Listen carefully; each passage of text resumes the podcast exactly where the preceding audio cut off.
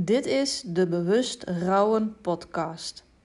Mijn naam is Brenda van Zanden en in deze podcast neem ik je mee in mijn ervaringen met rouw en verlies.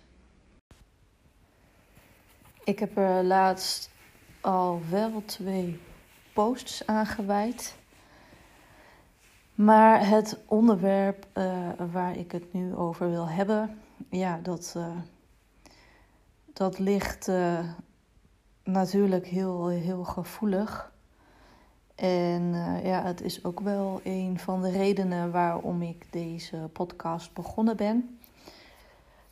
omdat ik er wel van overtuigd ben dat door het delen van en door het vertellen van mijn ervaringen, van onze ervaringen, ja, dat, dat misschien het onderwerp zelf ja, wat meer uit de, ja, noem het taboesfeer gaat komen. En waar ik het dan over heb, is ja, over het levenseinde van je kind. En ja, laat ik dan eerst even weer bij het begin beginnen. Onze Isabel is dus geboren met een ernstige hersenafwijking. Uh, deze diagnose kregen wij uh, op 10 december 2013. En nou, wat ik in bijna elke podcast ook al wel vertel, is dat die periode eigenlijk een, ja, een gitzwarte periode is geweest. En waarvan ik ook heel veel dingen eigenlijk niet meer heel helder voor de geest heb ik merk wel dat uh, door er weer over te praten en door er veel over te delen, dat er ook wel weer veel dingen uh, bij me weer omhoog komen. Dus dat vind ik ook wel heel, heel erg fijn. En ja, ik merk heel erg de, dat uh, door het te delen, het bij mij ook steeds meer een plek krijgt en ook gewoon een plek krijgt. Um, waarop ik zeg maar er ook met uh, ja, vertrouwen en ja, hoe raar het misschien klinkt, maar gewoon met een fijn gevoel ook op kan terugkijken dat uh, ja, hoe wij het uh, gedaan hebben, hoe wij ermee om zijn gegaan, ja, dat dat voor ons een, een hele fijne manier is geweest. En ik ja, wil ook nog wel even vooropstellen dat het onze ervaring is geweest en dat het niet iets is uh, waarvan ik zeg van zo zou iedereen het moeten doen. Um, ik ben al lang blij dat het uh, uh, gelukkig bijna niet voorkomt dat je in zo'n soort situatie gaat komen. Um, maar wat ik al in het begin zei, um, ja, door, door wel door het delen van onze ervaringen en door het vertellen van ons verhaal dat er ook uh, um, herkenning bij mensen kan komen of dat mensen op een andere manier uh, naar de dingen gaat kijken. Dat het onderwerp dus ook meer en meer bespreekbaar gaat worden. Dat het voor mensen ook uh, ja, uh, dingen opent, doordat ze er misschien ook meer open over gaan zijn. Uh, bijvoorbeeld dus bij mensen die in een soort gelijke situatie zitten, die uh, misschien ja, nu wel uh, meer dingen durven te gaan vragen, bijvoorbeeld aan artsen, of, ja, of het er meer met elkaar, dus binnen het gezin, over durven te hebben. Dus ik zie het gewoon ja, meer als een, een opening en ja, er, er is geen goed of fout in deze, dat ja, iedereen doet het natuurlijk ook uiteindelijk op zijn eigen manier. En uh, ja, dat, wat ik al zei, dat is niet uh, goed of fout. Um, dan zal ik even weer, weer teruggaan dus naar het begin, dus uh, naar de diagnose van Isabel. En ik weet nog wel dat er in een gesprek met onze hoofdbehandelaar, de kinderneuroloog, wel verteld werd van uw kind zal hoogstwaarschijnlijk een paar jaar oud worden. En um, dat was een zin die ik toen der tijd, uh, ik denk wel dat ik het heb opgeslagen, maar in, die was in ieder geval niet meer uh, heel goed te bereiken, zeg maar, in mijn systeem. Dus het was niet uh, met één druk op de knop uh, dat het daar weer was. En, en het was dus inderdaad al helemaal niet zo dat ik het daar in die beginjaren over had. Um, Isabel kreeg dus die diagnose. Um, zij had hele zware epilepsie. En in die beginmaanden was het vooral ja, het doel om deze epilepsie wat meer onder controle te krijgen. En het was vooral ook het doel om ons als ouders uh, te laten wennen aan deze epilepsie. We zijn toen in het begin acht weken volgens mij in het ziekenhuis opgenomen geweest. En ja, dat was ook om ons als ouders te wennen aan die epilepsie. Want ja, dat heb ik al in een eerdere podcast verteld dat is niet niks. En ja, dat is gewoon een, een understatement, om het zo maar even te zeggen. Maar goed, uh, er werd dus toen wel één keer gezegd van, ja, uw kind zal niet oud worden. En ehm, ja, we hebben toen eigenlijk in die, in die beginperiode ook op een gegeven moment een opname van Isabel gehad. Dat de epilepsie zo extreem um, ja, op de hobbel was, zoals wij, zoals wij het altijd noemden. Ehm, dat zij toen een week lang epileptische aanvallen had om het half uur, waarbij haar uh, ademhaling ook stokte. Dus um, zij moest wel uh, zuurstof toegediend krijgen om ja, de, het zuurstofgehalte zeg maar, weer omhoog te krijgen. En ja, als je daar op dat moment zo in zit en ja, um, om je heen ook alles en iedereen gewoon gericht is op behandelen, dan ga je daar op dat moment ook gewoon in mee. Want ik weet nog wel dat wij. Um, volgens mij kwamen mijn ouders er toen op een gegeven moment even van ons overnemen, zodat wij even naar huis konden. En dat we toen wel uh, in de auto op de terugweg naar huis tegen elkaar zeiden, mijn man en ik.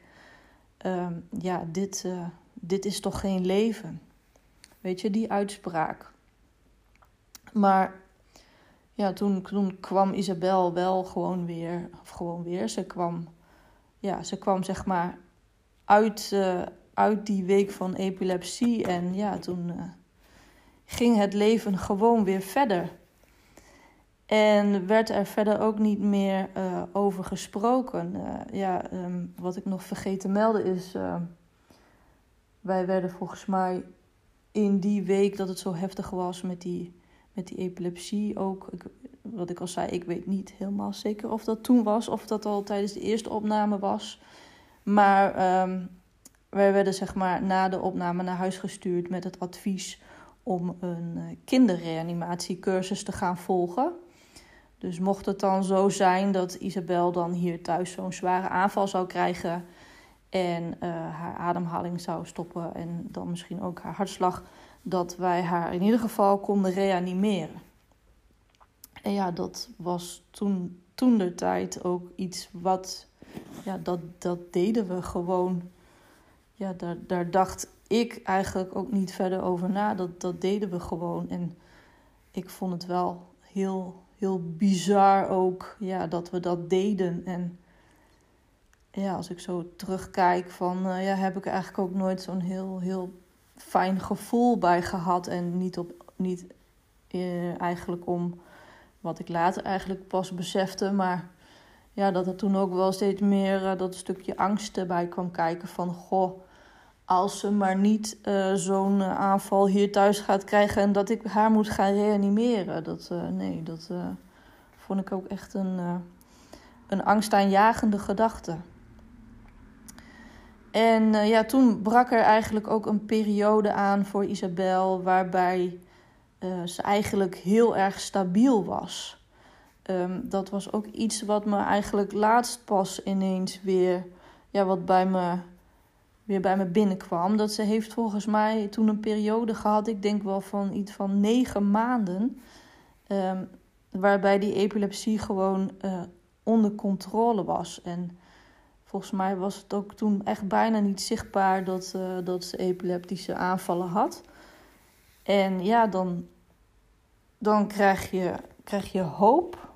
Ik denk dat dat echt wel het, het juiste woord is. Ehm, dan ga je ook, uh, en dat zag je ook bij haar, daardoor zie je ook wat voor een verschrikkelijk monster uh, epilepsie is. Um, je zag ook in die negen maanden dat ze zich ook uh, wat meer begon te ontwikkelen. Dus ze was toen ook heel erg bezig om haar hoofd overeind te kunnen houden.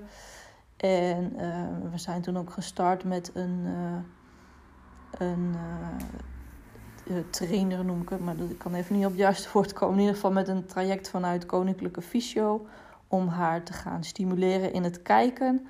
Omdat Isabel ook een bepaalde afwijking had in haar zicht. En ja, daar maakte ze ook echt, uh, echt verbazingwekkende stappen mee. En ja, wat ik al zei, dan, dan krijg je hoop. En ja, dan ga je ook op internet kijken, zeg maar, ook naar, naar andere kindjes bijvoorbeeld met zo'nzelfde hersenafwijking. En die zie je echt dingen doen waarvan je dan denkt van, oh, maar zal het dan toch ook met Isabel dan toch nog die kant op gaan. Maar dat, ja, die, die tijd, zeg maar van die negen maanden stabiel, uh, is toen na die negen maanden ook echt nooit weer geweest. Uh, ik kan het ook heel erg terugzien in, uh, in uh, foto's als ik die van haar terugkijk. Ja, dat je echt de achteruitgang wel is wel heel duidelijk zichtbaar. En ehm, ja, bij Isabel was het ook zo, door, doordat ze zich dan ontwikkelde. En uh, ja, ze groeide eigenlijk ook als een normaal, uh, zeg maar als een gezond kind van haar leeftijd. En ja, door ook die ontwikkeling triggerde dat ook weer heel erg de epilepsie. En ja, ze werd ook vatbaarder voor allerlei virussen, bacteriën. Ze heeft een aantal keren het rhinovirus gehad, norovirus gehad. Um, ze is op een gegeven moment uh, geopereerd aan haar keel- en neusamandelen. die zijn er toen uitgehaald. En ja, en toen na die operatie. Misschien is dat al wel weer een stap verder in het verhaal, maar ook na die operatie kreeg ze thuis, begon het weer te bloeden. En uh, toen hadden we een beetje de discussie met z'n van, nou, moeten we, moeten het ziekenhuis bellen? En toen, ja, maar ja, je weet wel hoe dat gaat. Als we, als we bellen, ja, dan moeten we weer die kant op. En dan moesten we weer naar Groningen. En ja, zo, zo gaat dat. Tenminste, in ons geval, als je al zo, nou ja, zo bekend bent met dat, uh, met dat ziekenhuis gedoe waar je al zo vaak uh, was. Dus ja, dan zit je wel een beetje, ja, maar als we nu dan weer bellen, dan moeten we toch heen. En uh, weet je, zat een beetje zo-zo. En uiteindelijk wel gebeld. En ja, we moesten wel, uh, wel heen. Dus Johan is daar toen met mijn vader heen gegaan. Voor mij was dat toen s'avonds. En ja, dat was uiteindelijk ook maar, maar goed ook uh, dat we dat toen wel gedaan hebben. Want ja, toen, toen ze daar kwam en volgens mij stonden er net artsen ook bij haar. En toen uh, kwam er ineens een gigantische golf met bloed. En moest ze hals over kop uh, met spoed weer geopereerd worden om die bloeding te stoppen. Um, maar dat was eigenlijk ook toch ook weer zo'n moment. Net als dat je die week had met die zware epilepsie waarvan je dan toch uh, daarover na ging denken. En, en het was vooral mijn, uh, mijn man uh, die dat dan deed. Van goh, um, wat als ze op die operatietafel wegvalt en, en ze moet dan gereanimeerd worden.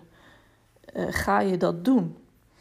Dat kwam denk ik toen toch wel ook voor het eerst ook wel, wel naar boven. En ga je dat doen en ja, hoe komt ze daar dan uit? Hè? Wat, is, wat is dan uh, nog haar kwaliteit van leven? Omdat ze natuurlijk al zo, zo beperkt was. En ja, dan, ze had een ontwikkeling van een baby van, van vier, vier tot vijf maanden, misschien wel minder. En heb je dan ineens een baby van, van twee maanden die dan echt uh, helemaal uh, niks meer kan. Dus ja, ik denk ook dat dat een moment is, uh, ook is geweest uh, waarop uh, vooral mijn man dus daar ook meer over ging nadenken van, ja, en, en wat is nu eigenlijk kwaliteit van leven? En ehm, ja, daar is mijn man zich dus op een gegeven moment dus heel erg in gaan verdiepen. Um, um, de term kinderpalliatief kwam toen ook om de hoek kijken. Een term die die uh, toen in het begin eigenlijk, tenminste ik niet. Het kan zijn dat mijn man het wel uh, opgepikt heeft, maar ik niet. Een term die ik nooit eerder uh, voorbij had horen komen. Want als ik het, het woord palliatief hoorde, dan dacht ik dat dat iemand was die al in de, in de laatste levensfase zat en die nog maar een, een paar dagen te leven had. Maar kinderpalliatief is dus zo dat jouw kind ehm, een uh, levensduur verkortende uh, aandoening of ziekte heeft. En uh, daardoor er ook dus niet voor zichzelf kan zorgen. Isabel kreeg, kon bijvoorbeeld op een gegeven moment ook niet meer zelf eten en kreeg zondevoeding. En ja, heeft eigenlijk 24 uur per dag had ze zorg nodig. En dan, dan heet dat kinderpalliatief. En daar is mijn man uh, zich dus ook heel erg in gaan verdiepen. Uh, ja, wat is uh, kinderpalliatief dan? En ja, dat was zijn manier om, om ermee om te kunnen gaan dat zijn dochter niet oud zou gaan worden. En ja, die is ook heel erg op zoek gegaan naar de vraag van ja, en wat is dan kwaliteit van leven en hoe ver ga je? En toen op een gegeven moment zag hij ergens voorbij komen dat er een pilot kwam in het eh, UMC uh, Groningen van uh, het kindercomfortteam. En toen mijn man dat las, dacht hij: ja, daar moeten wij met Isabel heen. Daar, daar moeten wij zijn. En ja, toen heeft hij zichzelf, heeft hij haarzelf aangemeld daarvoor. En ehm, toen kreeg je ook ook echt dat de, de gesprekken uh, op gang uh, kwamen over haar uh, levensduurverkortende aandoening. Dus over het feit dat ze, dat ze niet oud zou worden. En ja, ik, ik heb het ook al wel in een, een van mijn posts verteld. Ehm, dat waren in het begin niet de gesprekken waar ik bij aanwezig was. Um, dat kwam toen voorbij echt nog ja, veel, uh, veel te dichtbij. Dat, uh, ja, dat, dat kon ik niet. Uh, nee, voor mijn gevoel kwam, was dat ja, te, te intens. En ja, dat, dat, dat ging over wel of niet reanimeren, wel of niet beademen. Um, van allerlei dat soort dingen over palliatieve sedatie. En daar werd uiteindelijk, zeg maar, door uh, al die gesprekken, werd er dus een, uh, een bepaald zorgplan opgesteld. Waarin ook uh, alles stond beschreven van wat als dit gebeurt, wat doen we dan? wat doen we wel, wat doen we niet? Dus ja, dat, dat kan je je voorstellen dat dat hele intense, heftige gesprekken zijn. En mijn man en ik hebben het daar ook echt wel gewoon met z'n tweeën ook uh, over gehad. Het was uh, natuurlijk niet zo dat ik daar helemaal totaal voor wegliep. Dat, uh, dat was niet zo. Maar ja, het, het was voor mij toen in het begin te groot. En ja, het, waarom ik het ook deel, zeg maar. Um, ook over dat kindercomfortteam. En dat je het uiteindelijk wel gaat hebben over dat je kind dus niet oud gaat worden. En over wel of niet beademen, wel of niet reanimeren. Het kan gewoon zo waardevol zijn. En ik zeg het kan, het, het is heel waardevol. Um, ook al ja, denk je van ik wil het hier niet over hebben, want ja, dat je toch in die stand zit van want mijn kind gaat niet dood en ja, mogen we het eigenlijk wel hebben over, over het sterven van een kind en hoe ver ga je met met medisch handelen en is het, is het, is het nog wel zinvol om bepaalde medische handelingen nog, uh, nog te gaan verrichten. En uh, ja, ik denk ook vooral, uh, ja, dat je, dat je daar voor jezelf ook zo, zo'n, zo'n, zo'n dienst mee kan doen. Het zijn misschien niet helemaal de juiste woorden, maar ik kan het misschien niet, uh, niet helemaal zo omschrijven zoals ik het uh, precies bedoel. Maar um, zo'n kindercomfortteam is er dus dan ook voor, voor kindjes, zeg maar ook zoals Isabel. Um, ik heb dat dus aan het uh, begin, dus bij de diagnose van Isabel, heb ik, heb ik dit heel erg gemist.